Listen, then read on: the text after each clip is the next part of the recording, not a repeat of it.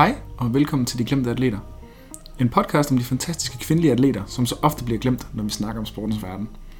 Hver episode dykker vi ned i historien om en kvindelig atlet, som vi synes, du burde kende.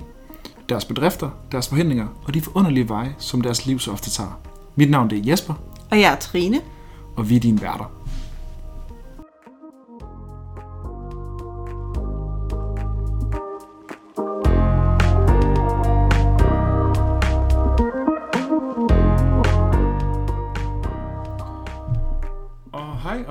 Igen til endnu et afsnit af De Glemte Atleter.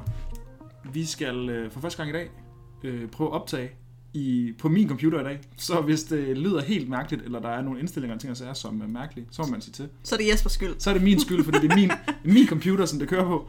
Så det kan godt være, at øh, der er nogle ting, vi lige skal have rettet ind, men øh, det tager vi hen ad vejen, så det prøver vi på. Men øh, det er tid til, at vi skal i gang med vores øh, nyhedssektion. Og øh, jeg har taget en lille nyhed med til os, som jeg synes er lidt sjov, lidt spændende, også lidt vildt, at det faktisk øh, ender med at blive til noget alligevel. Og det er, at nu er OL-flammen, den er simpelthen bevæget sig på vej mod Tokyo. Den startede for to dage siden, fra dagens dato af. Og det har jo været en masse ting igennem. Der har været nogle sexisme-skandaler, og der har været snak En om pandemi. pandemi, der har skubbet det et år, og der har været... Øh, jamen, jeg ved, jeg ved nu ikke, hvad der ikke har været igennem, for at, der har også snakket om, at Tokyo ikke, eller hvad hedder det, at øh, Japan ikke ville have at skulle holde det her OL, og alle de her ting. Øhm, og de har så også lige i sidste uge meldt ud, at øh, der ikke må komme nogen øh, øh, fremmede, eller kan man sige, udenlandske fans til, øh, til OL. Så Det der- giver meget god mening. det er rigtig, det, jeg tror, det er en helt rigtig beslutning, men det er alligevel 600.000 billetter, de skal, de skal refundere. Så hvis man i forvejen tænkte, at det måske ikke var verdens bedste business at holde, afholde OL, fordi at det er sådan en dyr forretning, så når man så skal betale 600.000 billetter tilbage, det tænker jeg ikke gør det meget bedre. Øhm, men øhm, ikke desto mindre, flammen, den bevæger sig mod øh, Tokyo. Den startede i Fukushima. Der er kun omkring 250 km fra Fukushima til Tokyo, men de tager en lidt en omvej. Så øh, der er 10.000 løbere, der hen over 121 dage øh, render rundt øh, i oplandet i øh, Japan for at øh, vise den her olympiske flamme frem. Plejer den ikke også, øh, bare lige ret meget, det er også fordi normalt, når det ikke er pandemi, så plejer man jo også at være i andre lande og sådan noget, ikke? Det tror jeg. jeg Men, men, men nu bliver de bare nødt til at have en meget lang rute i Japan. Ja, men er det ikke fordi, er det ikke fordi normalt så, så er den jo fra den originale olympiske flamme? Ja, ja, fra den tidligere værtsland. Er det ikke sådan der? Det er jo det godt pas. Jeg mener, man Jeg er starter. ikke sikker på den tradition. Det tror jeg, det er noget, de siger. Og så Ja. er det nede omkring Olympen i Grækenland også. Ja. Potentielt. Men ja, en, en, en af grundene til, at jeg gerne vil have den her med, det var fordi, at den øh, første løber af de 10.000 løbere, der skulle løbe med dem, det var, og nu slagter jeg et japansk navn, Asusa Iwashimitsu. Det tror jeg gik ok. Ja, og hvad hedder det, hun var så den første løber, øh, og hun øh, løb det første stykke, og hun er simpelthen en del af det kvindelige øh, fodboldlandshold fra Japan, der vandt VM i 2011 I fodbold. i fodbold. Ja. Og de var øh, et kæmpe opsæt. De slog øh, USA i finalen, og de er jo så blevet folkehelte sidenhen, fordi de ligesom øh, tog en guldmedalje med hjem til Japan. Det Så- tænker jeg er velfortjent. Det tænker jeg også. øh, For pokker da. Det vil, det vil de danske da også være. Øh, men øh, det var bare en, en fed måde at, at starte af på med et, øh, et fremtrædende kvindeligt sportsland, der var, hvad hedder det, frontløber. Så det var fedt. Ja, og et OL, som vi ser frem til. Eller, ja, jeg må indrømme, jeg, jeg føler lidt, at jeg skal se det ske, før jeg stadig helt tror på, at det kommer til at løbe af stablen. Der er 119 dage til, der kan nå at ske meget mellem, øh, mellem nu og da. Øh, det er stadig lidt vildt, at det, at det er planlagt til, at det skal afholdes der, men øh, Det er altså også bare fordi, det er mange atleter, der skal komme mange steder fra i verden og præstere at komme ind og være i karantæne. Altså sådan, selv uden tilskuer kunne det jo blive et kæmpe super spreader event. ja, det er helt vildt. Men altså, vi må, vi må jo håbe til, fordi vi er begge to kæmpe store fans af sport. Den største Ja, og jeg elsker OL. i verden. Jeg elsker altså, at se sport og sådan noget, men, men for delen, den er... er- Ja, den er... Ja, den, vi må håbe, vi krydser fingre, og må vi tage den derfra. Øhm, uanset hvad, 119 dage, så går det løs, hvis, det, øh, hvis planen holder indtil videre. Yes, det er spændende. Ja. Så er vi nået til min øh, nyhed, og der er et surt opstød som altid, eller som ofte i hvert fald. Det er ikke lige så spændende. Det handler om, at øh, lige nu over i USA, der er der March Madness, og Ja. hvis man ikke ved, hvad det er, så er det de øh, nationale basketballmesterskaber i college, som sker hver marts. Ja. Øhm, og det er både øh, herre- og kvinde øh, hvad skal man sige, turnering samtidig. Ja.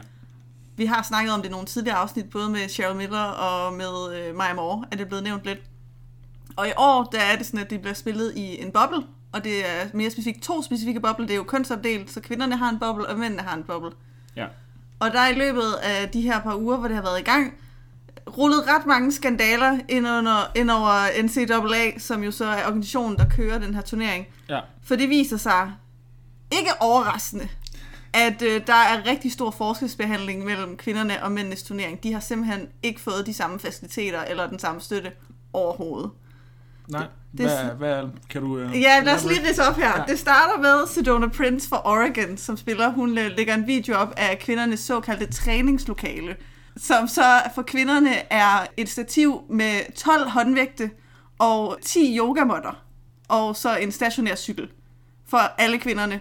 Hvorimod at der samtidig på sociale medier bliver lagt øh, video op for herrenes boble og deres træningscenter, som jo, altså jeg kan svare, tre fitness øh, worlds lagt sammen, tror jeg. Ja, det, det er jo en lagerhal, som de har fyldt op med squat racks og Alt jeg, jeg muligt. ved ikke hvad. Så det er det første, at de kvinderne overhovedet ikke har noget træningsudstyr. Så viser det sig efterfølgende at også være forplejningen er helt skæv. Kvinderne får sådan noget virkelig uappetitligt portionsanrettet mad.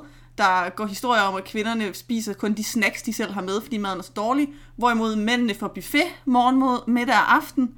Der er også sådan nogle gaveposer, de får, øh, når man ankommer sådan med merch og sådan noget fra March Madness. Der har mændene fuldstændig propfyldt.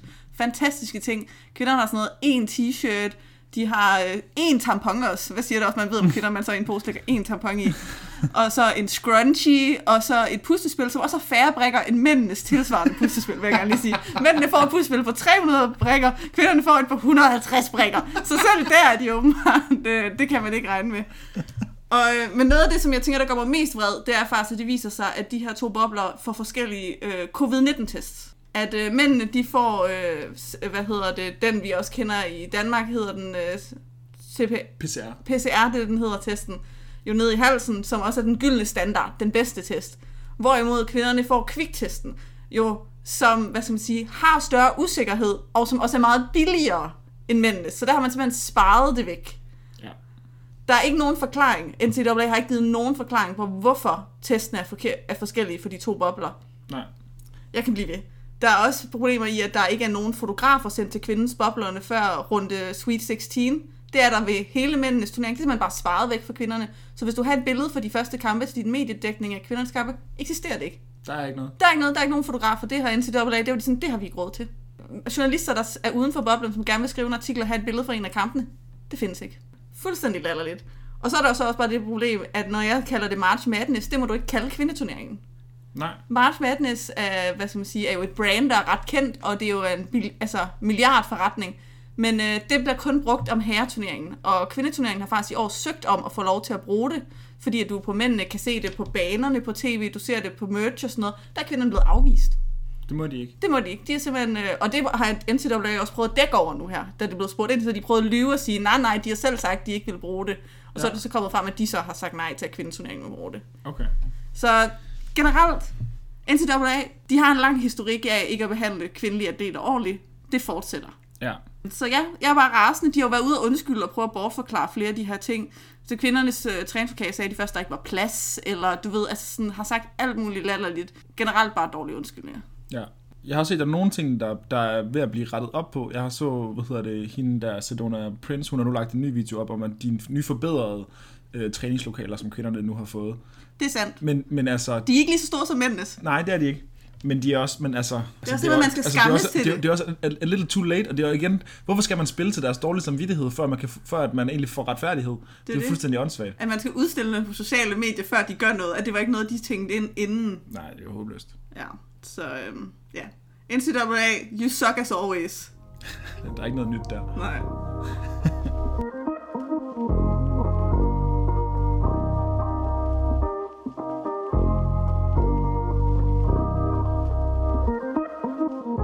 Er vi nået til dette afsnits glemte atlet. Og øh, den her historie øh, glæder jeg mig egentlig til at fortælle. Den er lidt anderledes end øh, nogle af de øh, atleter, vi har været inde over. Fordi meget af det, som dem vi har snakket om før, det har været sådan nogle, du ved, den bedste i deres sport, du ved, slået rekorder, vundet utallige mesterskaber. Og det er jo også fantastisk. Altså sådan, det, de kvinder hylder vi helt sikkert også, men der er også rigtig mange kvindelige atleter, som, hvad skal man sige, knokler ligesom hårdt, men som måske aldrig når til medaljepodiet. og som har en lidt anden historie. Og det er en af de historier, vi skal i dag. Vi skal snakke om øh, Yusra Madini. Ja. Og øh, Yusras øh, historie, den er lidt anderledes, men den er stadig et godt eksempel på, hvad sport kan, og hvilken for, sport, altså sådan forskel sport kan gøre. Og det, der er hvad skal man sige, specielt ved Yusra, det var, at hun var en del af det olympiske flygtningehold fra 2016. Ah, okay. Ja, og det er det, Det er noget, der står dit hjerte nær. det er noget, som jeg har skrevet mit speciale Mm. om øh, flygtninges muligheder for olympisk deltagelse, og deriblandt flygtningeholdet i 2016, så det er derfra, jeg kender til Yusras historie. Ja. Øhm, og så tænkte jeg, at det ville være lidt interessant at, at snakke om hende i dag. Det vil da helt sikkert. Det glæder jeg mig til. Ja. Jamen, øh, vi starter i 1998, så ikke så for længe siden, hvor Yusra hun er født i Syrien. Hun er vokset op i Daraya, som er en forstad til Damaskus, som er Syriens hovedstad. Hendes mor, hun var fysioterapeut, og hendes far, han var svømmetræner. Så øh, hvad skal man sige, det der, hun siger det selv som om, det var ikke rigtig et valg eller noget spørgsmål om, om hun skulle være svømmer. Det var bare sådan, det var. Altså fra før hun overhovedet begyndte at kunne gå, der puttede hendes far hendes første gang i en pool. Ja. Øhm, og hun begyndte faktisk at træne, eller sådan at gå til svømning, allerede da hun var fire år gammel. Så hun har, og hun, skal sige, just så hun har en lille søster, og så har hun en storesøster, der hedder Sara, mm. som er to år ældre end hende, og hende kommer vi især til at høre meget som en del af, af Jusras historie. Men hende og Sara var allerede fra en ung alder begyndt at svømme. Og jeg vil sige, Jusra hun beskriver sit øh, forhold til svømning fra en tid, der er meget ambivalent. Fordi det er også klart, at hendes far har haft ret store ambitioner på hende og Saras vegne omkring svømning. Altså sådan, i, i den tidlige alder er de blevet presset rigtig meget, og han har lagt mange af sine forventninger og drømme over på dem. Så okay. når hun beskriver sådan sit forhold til svømning i en ung alder, var det sådan ret modvilligt. Altså sådan, hun sagde, at hun sad, hun husker for eksempel, at hun sad på tv og så OL fra 2004, hvor Michael Phelps, Michael Phelps svømmer 100 meter butterfly Mm. og vinder guld. Og hun siger, at der, der, altså sådan, det så, synes hun var helt vildt, og så det, og tænkte, det ville hun også gerne. Mm. Men samtidig sagde hun også, at hun havde virkelig momenter af, at øh, hvad sige, ikke at elske at være i poolen, fordi hun, jeg tror også, hun oplevede, at hendes fars mm, hengivenhed eller kærlighed ofte også afhang rigtig meget af, hvordan de præsterede. Ja. Øhm, så det der med, associationerne med svømning var ikke altid gode. Nej. Men altså sådan, de to her var i Syrien, hvad skal man sige, fremtiden af svømning. Altså sådan allerede fra en ung alder, det pressede deres far dem i hvert fald også til at være. Yusra, hun kom på det syriske landshold, svømmelandshold som 12-årig, og hun oplevede også at modtage støtte fra den syriske olympiske komité. Men alt det her ændrer sig også, også i 2011, da Yusra hun er 13 år, fordi der begynder den syriske borgerkrig at bryde ud, som vi jo alle sammen kender. Ja. Og på det her tidspunkt, der er Yusra jo altså, blot et barn, så hun siger i starten, der lidt sjovt, som hun beskriver det, der opdager hun det ikke rigtigt. Eller sådan, det fylder ikke i hendes hverdag. Altså hun siger, hun går stadig i skole, hun snakker stadig med sine venner, og selvfølgelig er der noget rumlen og nogle konflikter og sådan noget, hvor hun, hun tuner det egentlig ret meget ude. Alting ændrer sig dog et øh, år inden i hvad skal man sige, borgerkrigen, da der i august 2012 simpelthen er det, de kalder Damaskus-massakren, mm. som så foregår i den man sige, forstad, hvor de bor. Regimet styrer, styrker, de stormer byen, og der er over 1000 døde, størstedelen af dem civile. Og øh, hvad hedder det, Yusras families hus bliver simpelthen totalt ødelagt. Ja. Så de bliver tvunget fra deres hjem, og flytter så derefter rundt forskellige steder omkring Damaskus på skift. Yusra hun beskriver det som om, at efter efter, så kunne du ikke længere gå, hvor du ville. Altså, og, det var, og hun oplevede ofte, at skolen var aflyst i længere perioder af tiden, og hendes mor altid var bekymret for, at hun skulle gå ud af døren, fordi hun vidste ikke, om hun kom tilbage. Mm. Og det er også meget beske- sådan speciel beskrivelse af det, fordi hun siger også, at på en eller anden måde bliver det også normaliseret. Ja. Det der med, at når man er ude og gå i gaderne, altså sådan, du, hun, siger, hun tager jo stadig for eksempel på shoppingtur, og så Ja. lige så udbryder der skud, og så må du løbe for dit liv.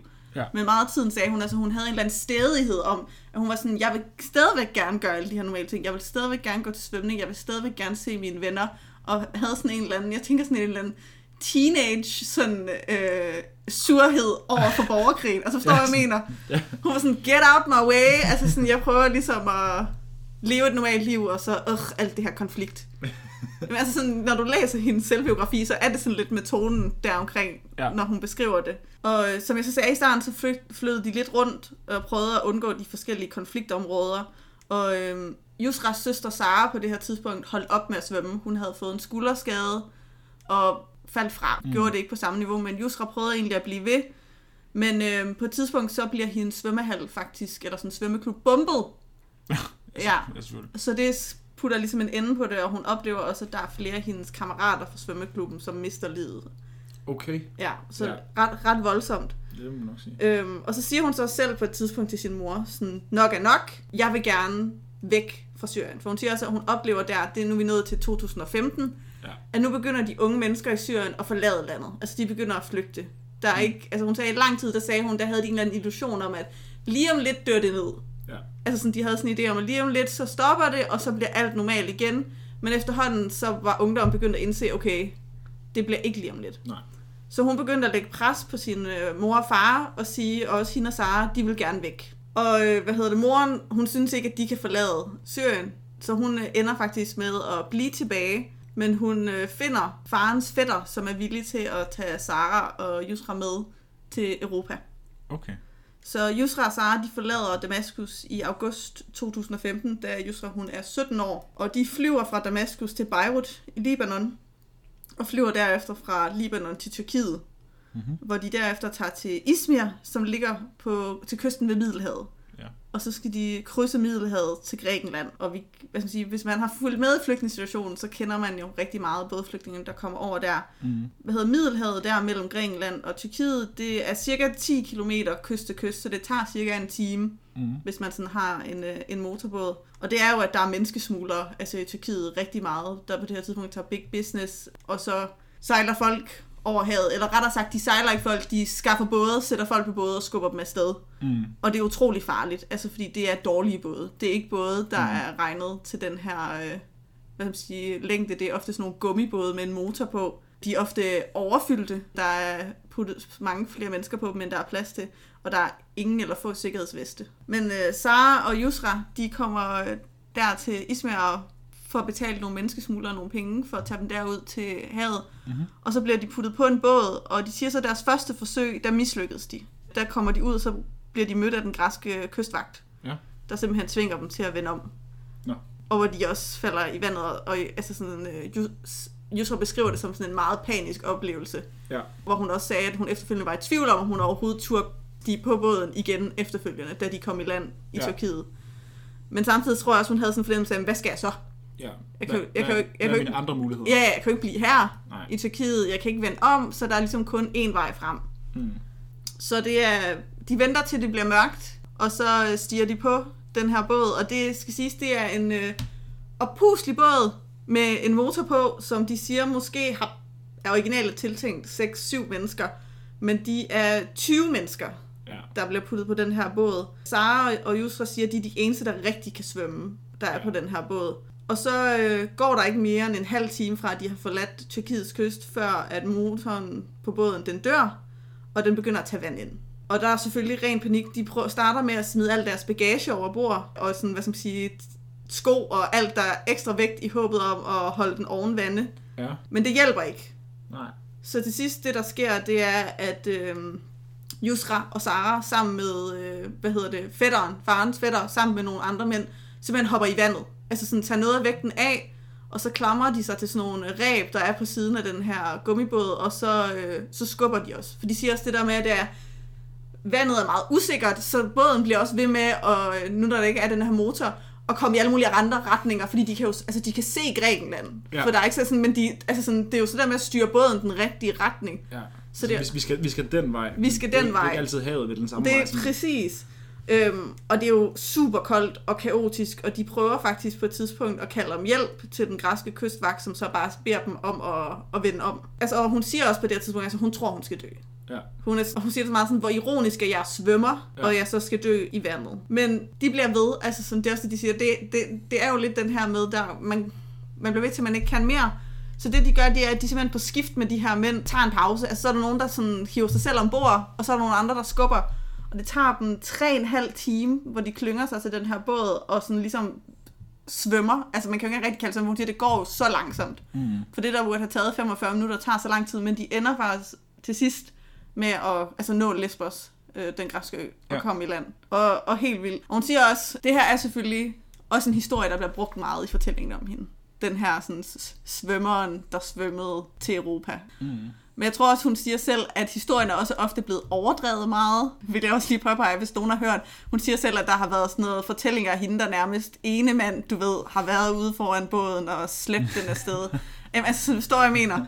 For, folk el, elsker sådan en heltefortælling, hvor hun også er meget sådan, altså hun synes jo ikke, det var modigt eller en heltegærning overhovedet på tidspunktet. Det var jo bare ren overlevelse. Ja. Og hun sagde også, at hendes, altså sådan, i beskrivelsen af hendes søster, Sara, er også bare en fucking badass. Altså sådan, det, hun siger, det var lige så meget hendes søster, og det er ligesom, en, lige så meget også de her mænd, der var der til at hjælpe. Altså sådan, det var jo ligesom en Det var en team effort. team effort at gøre det her, så det, hun har ikke lyst til sådan at være øh, på en pedestal. Nej. Og så tror jeg også, at hun siger efterfølgende med den her historie, for den bliver igen meget hørt, og hun har det også meget ambivalent med den. Det kender jeg selv også. Øh, Jeg har øh, selv arbejdet med flygtninge, jeg har læst flygtningestudier, Mm. og det er også ofte, at den her flugtfortælling er den, man meget gerne vil høre. Og den bliver også meget sådan romantiseret Ja. på en eller anden mærkelig måde. Men hvor hun jo også siger, hun, den er jo traumatiserende. Altså, Sarah, så, altså sådan, Yusra, hun siger, hun har ikke været i havet siden. Nej. Det er ikke... Der er ikke, det er ikke en dans på roser. Altså, det er, det er en kamp hele vejen igennem, og det er også traumatiserende for hende og for... Altså, det er jo angstprovokerende ud over alle grænser. Præcis, og hun siger, at det er også bare mærkeligt, at den skal være så definerende for hendes fortælling. Altså hun siger, når, altså, at hun bliver også bedt om at genfortælle den historie rigtig meget nu her, altså resten af hendes dage. Ja. Det, er det, det er den nummer et historie, folk vil høre. Ja. Og det er jo også meget voldsomt, at noget, der er så traumatiserende for en, også at det, der skal være sådan ens... Fuldstændig. Ja. Fuldstændig. Så jeg, jeg fortæller den her, men, men også med kommentaren om, at hun har det meget ambivalent med den, fordi hun siger, hun ved selvfølgelig også, at den er symbolsk for noget større, og hun Ja. fortæller den også stadig den dag i dag, men samtidig også med følelserne om, at det er blandet. Ja. Det er ikke det fedeste. Nej, det er det ikke. Og- Og det er, der er også et eller andet mærkeligt i folks sådan, besættelse Ja. af de der sådan, flugthistorier over vandet. Jamen, altså, jeg, jeg er ikke et hak bedre selv. Jeg er også, altså, jeg har en, øh, skrevet på studie med en, med en veninde, der også var, også var flygtning. Og, og jeg spurgte jo også selv ind til, og var, var meget interesseret i dem. Altså, og kunne slet ikke forstå, at, Ja, nej. at, at altså, jeg var sådan helt, hvorfor er det ikke bredere kendt, at der er så mange, der er den situation. Jeg, jeg har lyst til at hvad det, stand on the hilltops og råbe ud Ja, over, ja. at, hvordan, hvordan, hvordan, Men jeg tror også, hun sagde, hvor er at det sindssygt. det er også sindssygt. Jeg tror også, det er derfor, Jusser, hun siger, at hun fortæller den. Det er jo også, fordi der er jo stadigvæk folk den dag i dag, der dør Mm, på, altså, ved at krydse Middelhavet. Og hun Præcis. siger, altså sådan, det er jo på mange måder en kirkegård. Det er det. Der er rigtig mange mennesker, der har mistet livet der, så der er også en grund til, at hun fortæller sin historie, for det er jo ikke langt fra alle, der er lige så heldige som hende. Præcis. Præcis. Øhm, ja, og der bliver ikke gjort nok for at beskytte og redde de mennesker, som for eksempel Grækenlands kystvagt, som bare siger, vend om, Ja, lige i præcis. stedet for at hjælpe folk, ja. der er ved at kendre. Ja. Nå. Sidehistorie lidt, men så siger hun jo også, at så kommer de til Lesbos til Grækenland, men det er jo langt fra slutningen på deres altså rejse jo. Ja. Så er det jo så turen op gennem Europa, hvor hun siger, at øh, hun starter med en uges lang vandring op gennem Makedonien og Serbien, hvor de så når til Ungarn. Og især Ungarn bliver de altså sådan bars behandlet af myndighederne, og de må ofte skjule sig for politiet i sådan marker og altså sådan gemme sig. Og de oplever også, at de får ikke lov til at købe, de kan ikke købe adgang til offentlig transport, og de bliver også ofte afvist i butikker eller på restauranter, selvom de har penge, og folk vil simpelthen ikke have noget med dem at gøre. Hun siger selvfølgelig, at der også folk, der hjælper dem. Nogen, der giver dem tøj og nogle forskellige ting, men det er bare rigtig barst. Og de oplever også flere gange at blive arresteret ved grænserne, eller få taget ting, altså dokumenter og penge fra dem. Og hun siger også, hun siger selv, for der er politiet på et tidspunkt, som også sådan ikke forstår, for hun siger, at deres humør, hende og Saras humør, er egentlig sådan forholdsvis sådan højt, mm. hvor der er nogen, der sådan spørger, øh, noget politi, der spørger hende, er du ikke bange for mig? Eller hvor hun siger bare, hun lidt griner og siger, jeg troede, jeg skulle dø på havet. Altså sådan, hvorfor skulle mm. jeg være bange for dig? Ja, lige præcis. Men de præsterer så til sidst at komme til Østrig, og så derefter til Tyskland, hvor de kommer til Berlin. Og det tager en måned, den her rejse, alt i alt. Altså sådan, så de forlader jo Damaskus i, øh, i august, og kommer til Berlin i september. Ja. Det sagde mig også, altså, Det er 30 begivenhedsrige og forfærdeligt lange dage. det må man sige. Og så kommer hun jo så til sådan en, øh, hvad skal man sige, indregistreringsflygtningelejr, hvor hun øh, bor i Berlin sammen med sin søster. Og kort efter ankomsten, der øh, møder de sådan en egyptisk oversætter, som så faktisk, hvor de fortæller ham, vi svømmer. Mm. Og Yusa, hun siger faktisk, jeg er faktisk rigtig god svømmer. Jeg vil gerne finde et sted, hvor jeg kan svømme. Og han sætter dem så i kontakt med noget, der hedder Wasserfreunde Spandau 04, som er en lokal svømmeklub i Berlin, Mm. som faktisk svømmer på øhm, de gamle sådan, olympiske svømmebaner, som blev bygget til øh, hvad skal man sige, nazi-OL. Ja, OL i 40'erne. Ja, præcis. Og der bliver hun introduceret til en træner, der hedder Svend Spandekrabs, skøn mand, som simpelthen tager dem under øh, hans vinge. Ja. Han, øh, hun, de første dag, han møder dem, der sidder de og snakker, og der spørger han hende, du ved, hvad drømmer du om? Og så siger Yusra, jeg drømmer om at komme til OL. Jeg vil Ja. gerne svømme til de olympiske lege. Og han er sådan, mener du det? Siger hun, ja. Og de begynder at træne sammen, og det skal jo så sige, Yusra, hun har jo ikke svømmet i sådan to år, altså sådan regulært, altså hun er jo Nej, fordi Damaskus blev bombet Ja, sammen, præcis. og- Så altså sådan, ting han. Svend han siger jo også, hendes teknik rigtig god, siger han. Altså fundamentet er der. Hun er håbløs ud af form. Altså Ja. ja. han siger sådan, hun har jo ikke haft adgang til ordentlig træning så længe. Nej. Så der er så meget. Fordi det er også han- det, de siger, altså i svømning, så er det sådan noget, du kan jo bruge et år om at tage sådan et millisekund af din tid. Mm. Så det er sådan, der er jo mile langt. Og hun øh, siger også på det her tidspunkt, der er hendes mål faktisk bare at kvalificere sig til Tokyo i 2020. Ja, For det, altså, der er ingen idé om dem, om at hun skal til noget i 2016. nej, i Rio. Nej, det er jo under et år senere. Ja, det var det. Øh, hvor hun er bare sådan, nej, nej, altså Tokyo 2020. Og hun tænker også, Tokyo 2020, så tænker hun, der kan jeg måske stadigvæk svømme for Syrien, tænker hun også. Ja. Muligvis på det tidspunkt.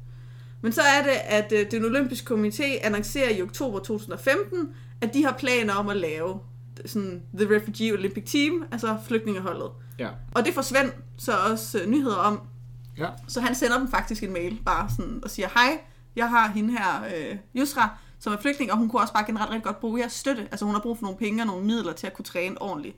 Ja.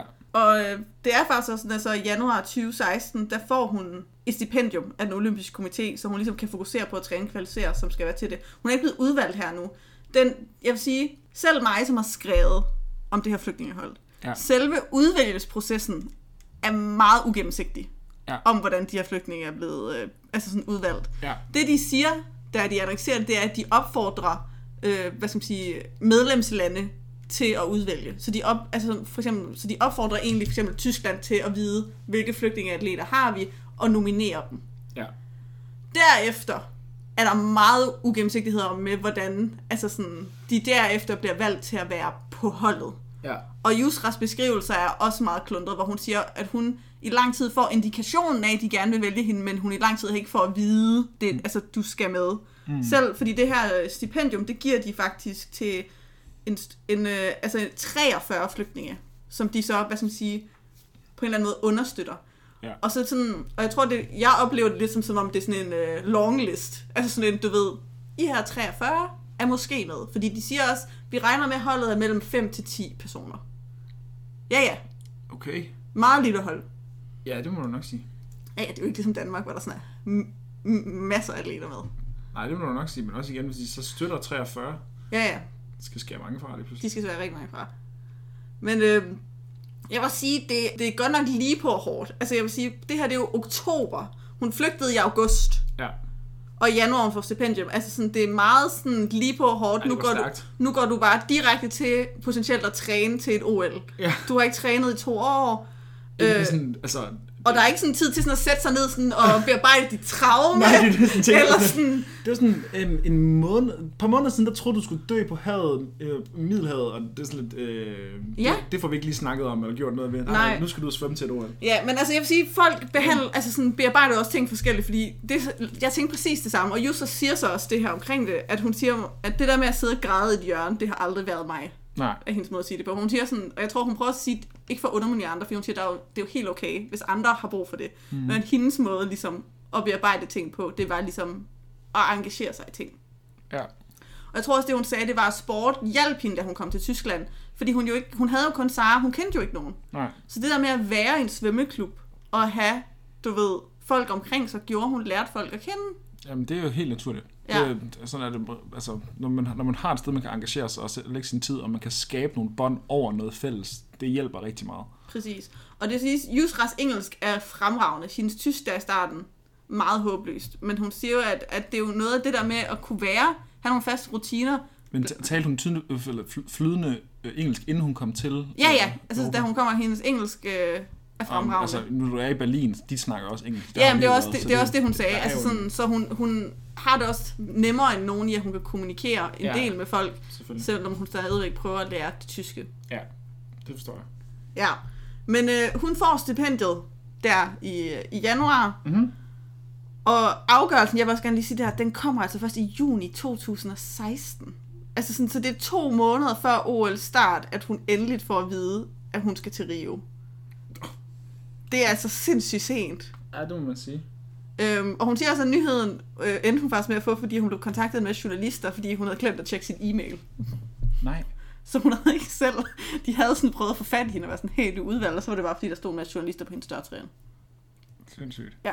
Hun siger også, at det er ret hårdt det her med, da hun bliver udvalgt, fordi lige så er mediepresset enormt. Ja. Der er rigtig mange mennesker, der gerne vil snakke med hende. Hun siger, at hun begynder faktisk også at have det ambivalent med, om hun overhovedet skal takke ja i månederne ja. op til, siger hun. Øhm, her til juni. Hun sagde, hun havde mange betænksomheder til at være en del af holdet. Et, hun sagde, hun følte sig ikke klar. Altså sådan rent fysisk. Hun sagde sådan, ja, hun ved godt, altså sådan, hun er milevidt fra, selv hvis hun uden for det her flygtningehold, vil hun ikke kunne kvalificere sig til OL. Nej. Fordi at, altså, sådan, hun er så ude af form. Ja. Så hun er meget sådan det der med, folk, ser folk det som om, at jeg får særbehandling, du ved, jeg vil gerne gøre mig fortjent til min plads. Siger også, at sådan, hun har lange samtaler med sine forældre om det, og med Svend, sin træner, og hun siger, at hun er flere gange ved at sådan sige, nej tak, Mm. det har jeg ikke lyst til. Og det kan jeg egentlig også godt forstå, altså det må da være, altså, være svært på en eller anden måde at blive gjort til symbol. Ja. Men jeg tror, det hun, øh, noget af det, hun siger, der gør, motiverer hende faktisk til at sige ja. Det er altså selvfølgelig et, det er, det OL. Ja, ja. Det er også det, Svend siger til hende. Det er sådan, du har drømt om OL. Det her er muligheden for at komme til OL. Ja. Det er den ene. Og så siger hun faktisk noget, der inspirerer. Det er Malala, som ja. jo, hvad skal man sige, er en ung øh, pige, som øh, der blev skudt af Tal- Taliban, og efterfølgende blev sådan en menneskerettighedsforkæmper. Ja. Og hun sagde, det der med at kunne være et forbillede, eller også være en fortaler for nogen, var det, hun sagde, som motiverede hende. Det der med at kunne vise, at hun har drømme og aspirationer og motivation, fordi hun siger, at der er rigtig mange fordomme her i 2015 og 2016 Ja. om flygtninge, og der er rigtig meget sådan fremmedhed og frygt, hvor hun jo siger, både at kunne vise, at de sådan har kompetencer af hele normale mennesker, hvilket er meget trist, man, man skal vise det. Ja. Men det er en ting. Og så siger hun også bare også at være et forbillede for andre flygtninge. Altså sådan, at deres liv ikke slutter, når de forlader deres hjemland. Der er muligheder. Præcis. Så det ender hun med at gøre, fordi hun føler, at det er noget større end hende selv. Mhm. Hun siger så også, at hun er igen, hendes mål op til OL er egentlig kun at sætte en personlig rekord. Ja. Hun siger, at hun har ingen altså, forhåbninger om at nå særlig langt, øh, eller nå, altså sådan få en medalje, fordi det hun så skal stille op i, det er 100 meter butterfly og 100 meter freestyle. Ja. Og begge steder er hun sådan, altså flere sekunder efter kvalifikationstiden. Ja. Men jeg vil så sige, det der så også er med OL generelt og moden kvalifikation, det er, at selv når det ikke er et flygtningehold, så er der jo ofte nationer, der kvalificerer sig eksempel svømning, Ja. som er meget langt ved det høje niveau. Ja. Øhm, så det er jo ikke unormalt. Nej, nej. Men ja, så hun tager til OL 2016 med det her flygtningehold, som jo så er 10 personer, der ender med at blive udvalgt. De er fra Syrien, Sydsudan, den demokratiske republik af Kongo og Etiopien, og de stiller op i atletik, judo og svømning. Ja. Og hun siger det der med, at det var bare utrolig fedt fællesskab at have. De havde alle sammen meget forskellige baggrunde og historier, men de havde jo det der til fælles, at sport var ligesom deres vej ud. Ja. Og det der så er, det er, at holdet skulle konkurrere under det olympiske flag, og det var den olympiske hymne, som skulle sådan spille, hvis de vandt som nationalsang. Mm. Øhm, og jeg vil sige, jeg har skrevet mit speciale om det her. Det, altså jeg vil sige, jeg synes, det er fantastisk, at de atleter, der er flygtninge, får muligheden. Men jeg synes også, altså, det er også et kæmpe PR-stunt for den olympiske komité, vil jeg også gerne lige påpege. Ja, ja. Det er, det er en organisation, som er problematisk på rigtig, rigtig, rigtig, rigtig mange måder, som så finansierer 10 mennesker til den her tur, og så får de rigtig, rigtig meget god publicity Mm. tilbage. Bare lige for at påpege. Fordi det, man kan hurtigt, det kan godt blive sådan lidt inspiration porn, det her. Ja, Altså sådan, at ej, hvor er det smukt, og hvor er det skønt og sådan noget. Men det er også sådan et politisk move. selvfølgelig. Ja. Altså, jeg tænker, jeg tænker altså, de er jo en, altså, de skal jo også tjene på det. Og Ja, det, ja. det, altså, de har jo altid dem selv i, øh, i tankerne. Tænker Ja, det er også mere bare det der med at putte dem under sit flag og sin hymne. Altså sådan, der er meget sådan i den positionering af det. Øh, Ja, det må man sige. Ananas i egen juice. Ja. Og flygtningeholdet, de går jo så også til åbnings- og afslutningsceremonien. De går ind anden sidst lige før værtsnationen øh, Brasilien. Og så ellers til OL, så, så svømmer Yusra. Hun deltager i øh, igen 100 meter freestyle og 100 meter butterfly. I 100 meter butterfly, der vinder hun faktisk det heat, hun deltager i over fire andre svømmere.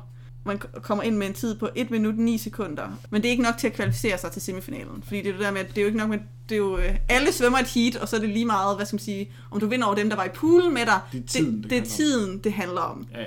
Så hvad skal man sige, hun, hun vinder sit heat, men hun, og placerer sig dog nummer 41 ud af 45 Okay. i, i disciplinen, for hun ligesom slår de fire, fire andre. de fire andre I sit heat. i sit heat. Ja. Øhm, ja. Og øh, i 100 meter fri kommer hun på anden pladsen i sit heat, og ligeledes kommer ikke videre til semifinalen. Mm. Og hun siger, at efterfølgende er hun opretteligt ret ked af sine resultater. Mm. Altså sådan, hun siger, at det er jo det der med, det er stadigvæk OL, og man har jo en eller anden idé om, at hun sagde, hun vidste godt, at hun ikke skulle vinde guld. Ja. Men sådan, man drømmer jo alligevel, og når for forhåbningerne op, og altså sådan, vil, vil, gerne præstere. Hun sagde, så lige da det var, der var hun virkelig faktisk ret ked af det. Selvfølgelig. Hun er konkurrencemenneske, og man, og man går altid og drømmer om det der med for eksempel, hvad det, det der, hvad det jamaikanske bobsledhold, der, hvad er det, der lavede den der film om... Med, ja, der, eller, der bare, præsterer, sådan, sådan, sådan, eller bare sådan, nu ved jeg godt, Pernille Blume er ikke især, men hun var jo heller ikke, da hun vandt sin guldmedalje, sat til at vinde guldmedalje, det er så overhovedet ikke sammen, fordi hun lå stadig op i tiderne, men, mm. men det der med opsættet, eller sådan i hvert fald måske bare være, komme til semifinalen. Altså jeg tænker, hun har jo haft, det vil jeg da også sige, selv hvis jeg sad og sagde til alle andre, at jeg håber ikke på noget, så vil jeg da stadigvæk sådan sidde og tænke. Selvfølgelig, selvfølgelig. Ja, men hun siger så, at med en del sådan, distance til det, nu senere hen, kan hun godt kigge på det og være stolt af sig selv. Ja.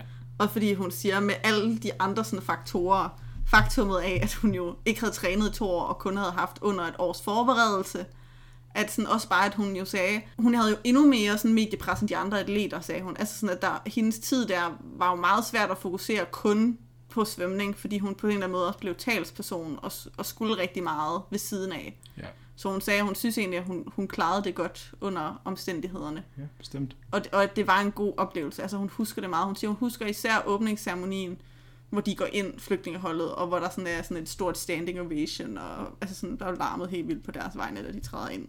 Mm. Hvor hun siger på mange måder, så var det også godt, eller som hun siger, det, det var en tro, utrolig varme og kærlighed at møde, fordi hun sagde, at, at også i Tyskland, jo, hvor hun jo var andre steder, havde jo mærket, at folk, kategorien flygtning var også begyndt at blive en negativ ting. Ja. Og det er jo så der, hvis man siger, vi øh, i hvert fald slutter indtil videre, fordi OL i 2020, som hun jo så også kunne kvalificere sig op til, det er jo ikke hent endnu. Nej. Altså efterfølgende her, øh, efter OL 2016, der fortsætter hun dog både med svømning. Altså hun øh, skriver faktisk kontrakt med Under Armour i oktober 2017. Øh, hvor de laver sådan en kampagne med hende, hvilket jeg synes er ret sejt. Ja. Og i april 2017, der blev hun også udpeget til at blive Goodwill-ambassadør for UNHCR, som så er FN's flygtningeorganisation. Der blev hun den yngste Goodwill-ambassadør nogensinde, som kun 19-årig. Sådan. Hvordan, hvis, hvis du ved det eller ikke ved det, ja. hvordan ser hendes svømmetider ud i dag? Altså er hun, har hun forbedret sig, så hun kan, sådan, kan svømme ja. lidt mere med? Jeg kommer der til. Åh, oh, fedt. Jeg kommer der til. Stærkt. Øhm, og så er det, altså sådan, og hun møder Obama og paven, og, og så hun laver generelt altså sådan, Ja. rigtig meget, jeg ved ikke, man kan det aktivisme, men fortaler arbejde Ja. for flygtninge. Øhm, og hun deler sin tid mellem at træne og sit arbejde for FN, så hun er også på mange sådan nogle officielle ture. Hun tager blandt andet til, til Jordan eller til Sicilien til flygtningelejre, hvor hun møder flygtninge. Og hun siger, hun arbejder meget med det her med at gerne vil gøre op med de fordomme, der er omkring flygtninge. Ja. Og så også bare fortale for den forskel, sport kan gøre for Ja. flygtninge specifikt. Mm. Øh, både for deres egen selvværd og selvtillid, men også det der med at forbinde dem til, hvad skal man sige, deres nye hjem og få et netværk der. Helt sikkert. Øhm, og så er det jo, hun er stadig utrolig ung. Altså Yusra den dag i dag er kun 23 år. Mm. Øhm, og hun arbejder hen mod at tage til Tokyo. Og hun siger, hun vil gerne vinde. Hun siger, hvis jeg skal være realistisk, så ved jeg godt, at jeg måske kun er, hvis jeg arbejder hårdt, er i top 20 eller 40 i verden. Men jeg vil ikke tage det som sådan et endeligt svar. Altså sådan, Mm. selvfølgelig. Man skal jo altid drømme. Så lige nu der bor hun i Hamburg fortsat, og er, nu træner hun faktisk med det tyske svømmelandshold. Øh, selvom hun ikke hører ind under dem. Mm. Hun er altså sådan, stadigvæk under niveau i forhold til det tyske svømmelandshold. Altså sådan, så hun vil ikke, nok ikke kunne kvalificere sig til det, hvis hun blev tysk statsborger. Nej. Øh, men sådan som det er lige nu, der har den olympiske komité i 2018 annonceret, at der var, skulle være endnu et flygtningehold i 2020, som jo så er blevet 2021 nu. Ja. Og de har allerede udpeget 55 flygtninge fra 13 forskellige lande, som er på deres longlist. Og der er Yusra. Ja. Så hun har fået endnu et stipendium, og er blandt de 55. De har endnu ikke nedsnævret, men jeg tænker, det kan være, det bliver til juni. Jeg ved ikke, det, Nej. jeg kunne håbe, de gav lidt. Hvem, hvem, ved det? Hvem ved det? Men sådan som det ser ud lige nu, kommer hun til at... Altså, altså ja. det er jo, processen er så ugennemsigtig, ikke? for at være helt ærlig. Og rent PR-mæssigt for dem, så tror jeg, at de vælger hende igen. Jamen, det vil give nogen mening ikke at vælge hende. Når man, når man ser det på det som en... Øh, Hun var den en største personlighed fra holdet fra 2016. Ja. Og hun, igen, og så med alt sit andet fortalerarbejde sidenhen, Ja. så vil det ikke, ikke give nogen mening for dem som organisation ikke at tage hende med. Men det nu, når, igen, når du siger, når processen den er så ugennemsigtig, og man ikke ved, hvad, hvad, for, nogle- hvad nogle parametre måler de på, og ting og sager, Det det, så, der kan, intet om. så, kan, så, kan det jo, så kan det jo være alting, og så er det slet, så giver det jo ikke mening ikke at have hende med. Nej. Så jeg, jeg vil sige, jeg går også og tænker og forventer, at vi ser Yusra til, til OL og til at svømme. Fedt. Og forhåbentlig gøre det endnu bedre. Jeg vil sige, nu har hun jo haft langt mere forberedelsestid og har jo dedikeret sig fuldtid til at svømme, og har også forbedret sig. Ja. Men altså, svømning er utrolig kompetitivt. Det er det. Det er det. Og øh, hvad hedder det? Ja, men ellers er hun jo sådan blevet lidt et navn. Altså, jeg kender blandt andet også, eller jeg kendte hende jo så før, men hendes historie er også med i den øh, børnebogen, der hedder Godnat-historie for rebelske piger. Ja. Hvor det faktisk er Anna, som vi kender, som også har en af dem, hun pegede på og sagde, at hende synes, hun, vi skulle mm. snakke om. Ja. Hvor jeg må sige, hende kendte jeg faktisk godt. Øh, og Yusra har så også udgivet øh, sin selvbiografi i 2018, der hedder Butterfly, Mhm. mm-hmm. øh, som jeg har også har læst noget af. Og jeg vil også anbefale den. Jeg synes, den faktisk er en utrolig nuanceret fortælling. Også det der, jeg sagde med hendes egen ambivalente følelser omkring det der med både at være et symbol med sin flugt. Jeg synes egentlig, for nogle gange, så, ligesom jeg siger, så bliver det lidt med flygtninge, bliver sådan lidt inspiration porn. Altså sådan ideen om, at de bare indbegrebet af styrke, og de kan klare alt. Eller forstår hvad jeg mener? Ja, lige præcis. Øhm, hvor hun jo ligesom også siger, at det er nogle meget blandede følelser, og forklarer egentlig sin proces og sådan noget, og det synes jeg egentlig... Jamen, det, det er, altså, jeg, nu har jeg snakket med nogen om det der med, at det er svært at blive gjort til en heltefigur, når man i situationen egentlig bare følte, at man gjorde, hvad der skulle til for at overleve. Ja, men også fordi hun siger, at hun har jo ikke valgt at være flygtning. Det er jo noget, der er sket for hende. Præcis. Altså sådan, det er jo ikke øhm, i sig... Altså, Så fik det, man det bedste ud af en lortesituation, når man, Præcis. når man var ude og var ved at føle, at man skulle til at dø. præcis.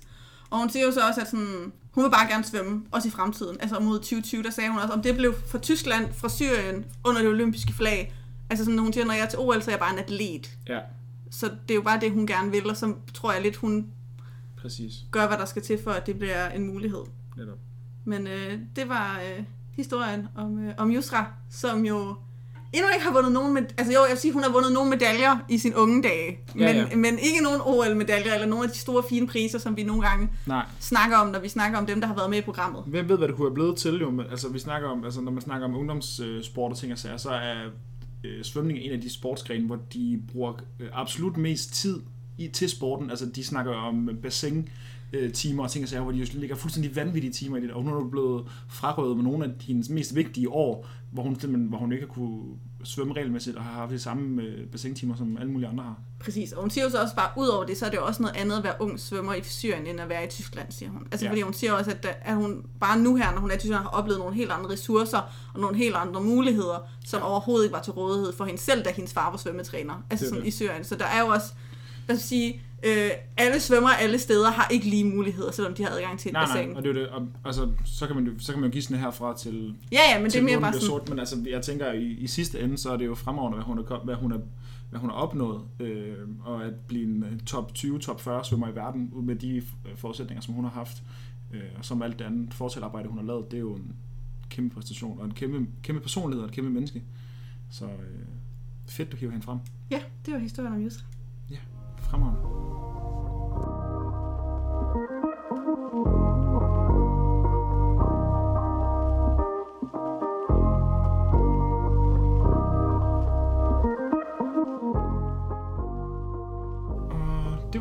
Den øh, gode historie om øh, Yusra Madini.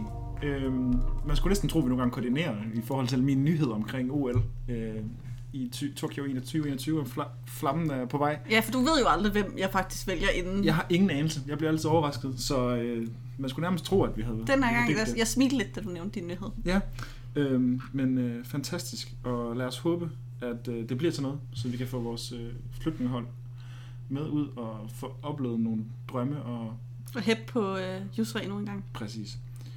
Men øh, nu er det blevet tid til vores øh, Serena. Noget, vi lige kan råbe come on over, for inden for det, vi har oplevet de sidste to uger. Og jeg har taget min med, og den er fra, ikke første gang, men øh, den er fra den øh, nørdede side. Det har jeg prøvet før, men øh, det er simpelthen sådan, at øh, Netflix har kommet med en øh, Dota øh, anime-serie, og der er garanteret mange ord der, som der er nogen, der ikke forstår. Dota, det er noget, der hedder Defense of the Ancients, og det er et computerspil, som har eksisteret siden 2004, tror jeg. Og øh, Som du spiller. som jeg spiller og har spillet aktivt i nogle år. Og øh, de har simpelthen, Netflix har simpelthen været ude og så lave en, øh, eller producere en anime-serie, som er en japansk, øh, kan man sige, tegne- Animeringsstil. animeringsstil. Det, er egentlig, det betyder egentlig bare, at det er jap- japansk animeringsstils tegnesfilm. Okay. Og øh, det, den foregår i Dota-universet, og den er på 8 afsnit af 25 minutter stykket. Øh, og jeg er normalt ikke en, der sådan går særlig meget op i anime. Jeg har ikke faktisk rigtig set nogen andre. Øh, jeg har set øh, Avatar The Last Airbender. Eller Dragon Ball Z. Er det rigtig anime? Jo, det er det faktisk, ja. Jo, det har jeg jo læst, dengang jeg var helt, Jeg skal helt sige, barn. Det er rigtigt. Det har vi set sådan før, før Troldspejlet, da vi var børn. eller Ja, lige noget. præcis. Øhm, men øh, det er en øh, anime, som jeg så har nu har set øh, 8 afsnit af, og det gjorde jeg, fordi at jeg tænkte, jeg spiller spillet normalt, så tænkte jeg, så kunne det være, at det var noget for mig. Mm. Og det var faktisk rigtig god. Ja. Øh, super spændende. Øh, Er det sådan noget, det er sådan noget generelt fantasy, drager og troldmænd ting? jo, det er det, Ja. det, er det nemlig. Ja. Øhm, så den er, hvad hedder det, den handler om en fyr, der til daglig slår drager ihjel, og så møder han en prinsesse af månen, og så følges de ad. Og så har en masse ting, der sker. Klassisk fantasy. klassisk fantasy. Øh, den er super flot tegnet, super godt skrevet. Mm. Det er et øh, sydkoreansk studie, der hedder Studio Mir, Mm. som har lavet den. Øh, de er kendt for, at øh, jeg nævnte lige tidligere, der nævnte det, der hedder The Last Airbender, altså Mm. Avatar The Last Airbender. Ja. Øh, de lavede den, der hedder efterfølgende den, som hedder The Legend of Korra. Øh, Jeg har ikke selv set den, øh, men Den er populær, for jeg har også hørt om. har hørt, den skulle være rigtig, rigtig god. Øh, Den har Studio Mira lavet, og så er det også dem, der er, lavet, der er sat til at skulle lave den Netflix-producerede The Witcher-film prequel, som der så kommer Wow, wow. i løbet af i år også. Okay. Øh, så der, De har travlt. de har travlt, og jeg synes egentlig, at den er, den er super fed. Jeg slugte de otte afsnit hen over de sidste tre dage, så øh, en anbefaling herfra. Man behøver ikke at have spillet Dota før, eller øh, have nogen som helst interesse for det, men hvis man vil have sådan en lille fantasy fix med øh, anime-streg, jamen så er det faktisk et rigtig godt bud, synes jeg. Det vil jeg huske. Ja. Så er vi nået til min øh, ugen Serena. Og det er egentlig, at øh, jeg kan jo rigtig godt, hvis man lytter til den podcast, og hvis man også bare kender mig, ved, at jeg elsker WNBA. Jeg elsker at snakke om WNBA, og det er der rent faktisk nogen, der har prikket mig til nu. Jeg skal begynde øh, at skrive om WNBA for fullcourt.dk, som er en dansk basketball hjemmeside, som dækker både den danske basketballliga, dameligaen, NBA, og så nu mig som øh, WNBA. Så øh, jeg glæder mig. Jeg har allerede skrevet min øh, første artikel, øh, dog ikke om WNBA, men om NCAA og hele fiaskoen, som jeg nævnte i nyhedssektionen. Og så hvis man øh, gerne vil følge med og lære noget mere om WNBA, så synes jeg, man skal holde øje med Fullcourt, hvor jeg kommer til at skrive. Jeg har planer om at lave noget wrap-up på free agency-perioden, der har været nu her, og så kommer der jo WNBA-draften den 15. april, så der kommer også til at være lidt optag der omkring, og generelt optag til den kommende sæson. Så øh, ja, så får jeg afløb for al min øh, nørderi. yes. Det bliver super spændende. Jeg glæder mig til at følge med. Jeg har allerede læst din første artikel. Ja. Det er super. Øhm, glæder os til at se, hvad der kommer ud derfra. Øhm, nu har de i hvert fald fået sig et øh, kæmpe asset ind på full court. Ja. Så øh, godt for dem. Ja, så klap mig selv på skulderen. Ja. Men ja, så det går jeg og glæder mig over, at få lov til at nørde noget mere WNBA. Det forstår jeg godt. Jamen, øh, vi vil takke af herfra. Ja, tak for den gang. Tak for den gang.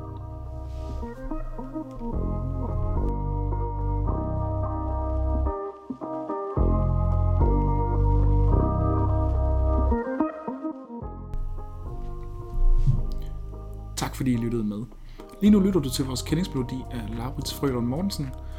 Øh, Du kan finde kilderne til afsnittets historie i afsnittets beskrivelse. Og hvis du kan lide, hvad du hørte, så abonner endelig og efterlad en anmeldelse i Apple Podcast. Du kan finde os på Instagram og Twitter under De Glemte Atleter, og vi hører meget gerne fra jer. Mit navn det er Jesper, Jeg er Trine. og tak fordi I lyttede til De Glemte Atleter.